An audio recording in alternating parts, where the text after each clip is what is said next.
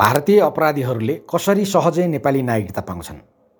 कसरी उनीहरूले सहजै नेपाली नागरिकता बनाउन सक्छन्? उनीहरूलाई कसले सघाउने? को कसले अनि कसरी लिए नेपाली नागरिकता? विस्तृत रिपोर्ट उकेरा डट कममा। नमस्कार म केपी ढुङ्गाना। आज म तपाईँहरूलाई भारतीय कुख्यात अपराधीहरूले कसरी नेपाली नागरिकता लिए भन्ने विषयमा एक रिपोर्ट प्रस्तुत गर्न जाँदैछु। सामग्रीतिर लागौँ। जिस देश में पचास सौ पेटी खर्च करके सांसद बना जा सकता है वहाँ इतना पैसा खर्च करके सीधे पीएम के साथ बैठो। ऐसे देश में क्या नहीं किया जा सकता है? मिनटों में नागरिकता मिल सकती है। मिर्जा दिलसाद बेगदेखि जमिम शाहसम्मको हत्याका मुख्य योजनाकार मानिएका? बब्लु श्रीवास्तवले लेखेको आत्मवृत्तान्त। अधुरा ख्वाबमा लेखिएको यो अंश नेपालको बारेमा हो। अनि किताबमा जे लेखेका छन् त्यो मिथ्या होइन। उनी आफैले पुष्टि समेत गरिदिएका छन्। किनकि नेपालको सुरक्षा सङ्गठनको सूचीमा बब्लु श्रीवास्तव भारतीय नागरिक भनेर लेखिए पनि उनी भारतीय मात्र होइन नेपाली नागरिक समेत हुन्। भारतमा बब्लु श्रीवास्तव रहेका उनको कानुनी नेपाली नाम हो अरुण अग्रवाल र स्थायी ठेगाना नेपालको कपिल वस्तु। उनी सिङ्गापुरमा पक्राउ पर्नु अघि नेपालमा पटक पटक आउने यतै बस्ने मात्र नभई नेपालमा एकपटक पक्राउ समेत परेका थिए। नेपालमा व्यवसाय सुरु गरेका उनी पक्राउ पर्दा मिर्जा दिलसाब्यको सहयोगमा छुटेका थिए। उनी पक्राउ परेपछि उनले कपिलवस्तु जिल्लाबाट अरुण कुमार अग्रवालको नाममा नागरिकता लिएको खुल्यो। त्यो बेला उनको नागरिकताबारे विशेष प्रहरीले अनुसन्धान गर्दा नागरिकताको आधारमा जग्गा समेत किनेको देखियो। नागरिकताकै सम्बन्धमा चलेको भ्रष्टाचार मुद्दामा विशेष प्रहरीमा आएर बब्लुलाई नेपाली नागरिकताको सिफारिस गर्ने तत्कालीन गाविस अध्यक्ष शिवप्रसाद चौधरीलाई मिर्जा दिलसाद बेगले नै जमाई बसेर छुटाएका थिए। पछि उनको नागरिकता रद्द भयो। यति मात्र होइन। जमिम शाहको हत्या योजना सफल बनाउन काठमाडौँ आएका बब्बु भनिने त्रिलोक सिंह समेत नेपाली नागरिक हुन्। त्रिलोकले पनि बब्लुले जस्तै कपिल वस्तुबाट आफ्नो नाममा नागरिकता निकालेका थिए। उनलाई नागरिकता दिलाउन सांसद समेतको संलग्नता देखेको जमिम हत्या अनुसन्धानका लागि गठित जाँचबुझ आएको प्रतिवेदनमा उल्लेख छ। अनुसन्धानमा त्रिलोकलाई नागरिकता सिफारिस गर्ने तत्कालीन गाविस सबीच रोहित कुमार उपाध्यायको बयानमा बब्बु भन्ने त्रिलोक सिंह शाही जस्ता दस बाह्रजना व्यक्तिले आफूबाट सिफारिस लिएको उल्लेख छ। उनले बयानमा तत्कालीन राजनीतिक परिस्थिति एवं माहौलको कारण त्यस्तो सिफारिस गर्नु परेको दावी गरेका थिए। नेपाली पुरुषसँग विवाह गर्ने महिलाले तत्काल नेपाली नागरिकता पाउन सक्ने कि निश्चित समयपछि भन्ने विवादले राष्ट्रपति कार्यालयमा पुगेर नागरिकता विधेयक रोकिएको छ। यो अदालतभित्र समेत पुगिसकेको मुद्दा हो। एमाले केही समय राखेर मात्र नागरिकता दिनुपर्छ भन्ने माग गरिरहेको छ। राष्ट्रपति विद्यादेवी भण्डारीको मत एमालेसँग मिल्छ। तर सरकारमा रहेका चार दलले भने तत्काल नागरिकता पाउने प्रावधानसहितकै विधेयक पारित हुनुपर्ने पक्षमा छन्। तत्काल नागरिकता पाउने प्रावधानलाई अपराधीहरूले कसरी उपयोग गर्न सक्छन् भन्ने तथ्य यही हत्या श्रृङ्खलाले पनि देखाएको छ। यो अपवाद घटना हुनसक्छ तर भारतमा अपराध गरेर टिक्न नसकेपछि नेपाल आएका शौकत बेगले विवाह गर्दा तत्काल नागरिकता पाउन सक्ने कानुनको उपयोग गरेर आफ्नै प्रेमिकाको नागरिकता बनाएको जाँचबुझ आयोगले नै पुष्टि गरेको विषय हो। भारतको लखनऊमा बस्दै आएका बेग उता मोस्ट वान्टेड भएपछि नर्स समेत रहेकी प्रेमिकासहित नेपाल प्रवेश गरेर कपिल वस्तुमै बस्न थाले। उनकी श्रीमती पनि भारतीय नागरिक थिइन्। दुवै भारतीय नागरिक भएकाले नेपालमा जहाज यथा जोड्न सकेनन्। अनि सौगतले नेपालको कानुनको फाइदा उठाउने योजना बनाएर प्रेमिकाको विवाह गराए नेपाली युवकसँग। उनको श्रीमती नाजमा खातुनले नेपाली नागरिक अकबाल रङ्गरेजसँग विवाह गरिन्। त्यो विवाहको उद्देश्य नागरिकता लिनु थियो। नाजमाले अकबालको श्रीमतीको रूपमा नेपाली नागरिकता लिइन्।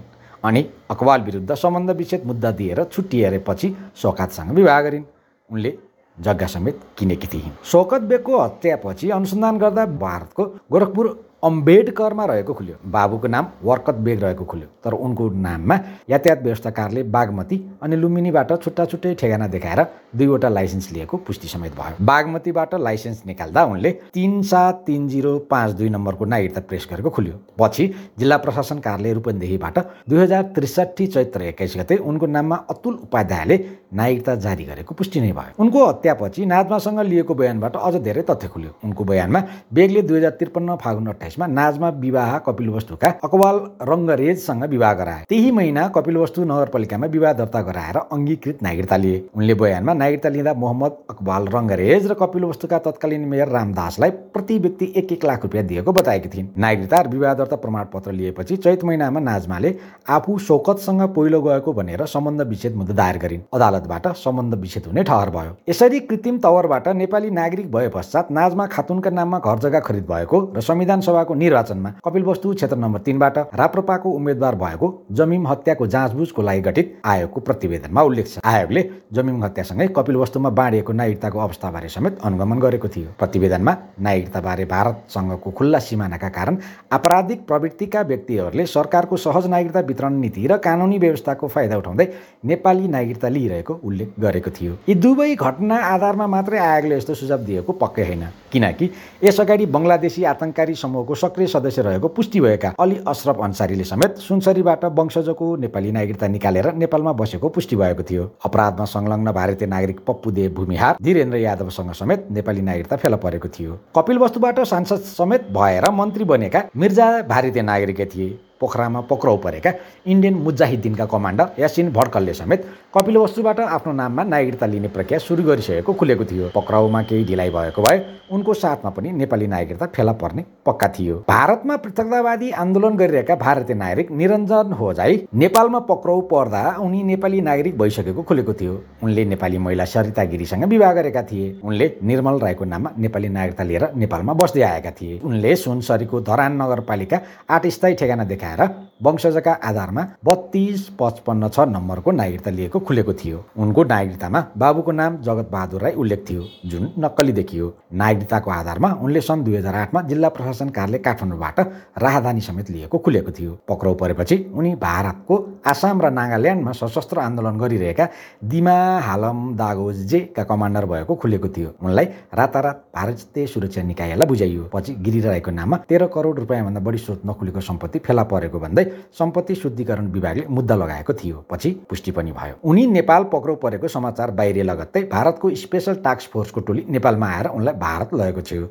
पछि उनको नागरिकता रद्द भयो। गत सोमबार गोठाटारमा लाल मोहम्मदको हत्यामा संलग्न देखिएका नितिन मदन अरोरा लामो समयदेखि नेपालमा बस्दै आएको र उनले नेपाली युवतीसँग विवाह गरेको पुष्टि भइसकेको छ। उनी नेपालमा भारतीय नागरिकको हैसियतमा बस्थे या उनले नेपाली नागरिकता लिइसकेका थिए खुलिसकेको छैन। तर उनीसँगै उनको आमा र दाई समेत नेपालमा बस्ने गरेको भने पुष्टि भइसक्यो। यो थियो नेपालको कानुनको फाइदा उठाउँदै कसरी भारतीय कुख्यात अपराधीहरूले सहजै नेपाली नागरिकता लिइरहेका छन् भन्ने विषयमा उकेराको विशेष रिपोर्ट यी र यस्तै विशेष सामग्रीहरू हामीले हाम्रो युट्युब च्यानल उकेरा टिभीमा प्रस्तुत गर्दै आइरहेका छौँ। सँगसँगै हाम्रो पडकास्ट एङ्कर डट एफएममा उकेरा भनेर तपाईँले सर्च गरेर सुन्न सक्नुहुन्छ। यस्तै सामग्रीहरू सुन्नको लागि र हेर्नका लागि उकेरा फलो गर्नुहोला। हाम्रो डोमेन सम्झिनुहोला।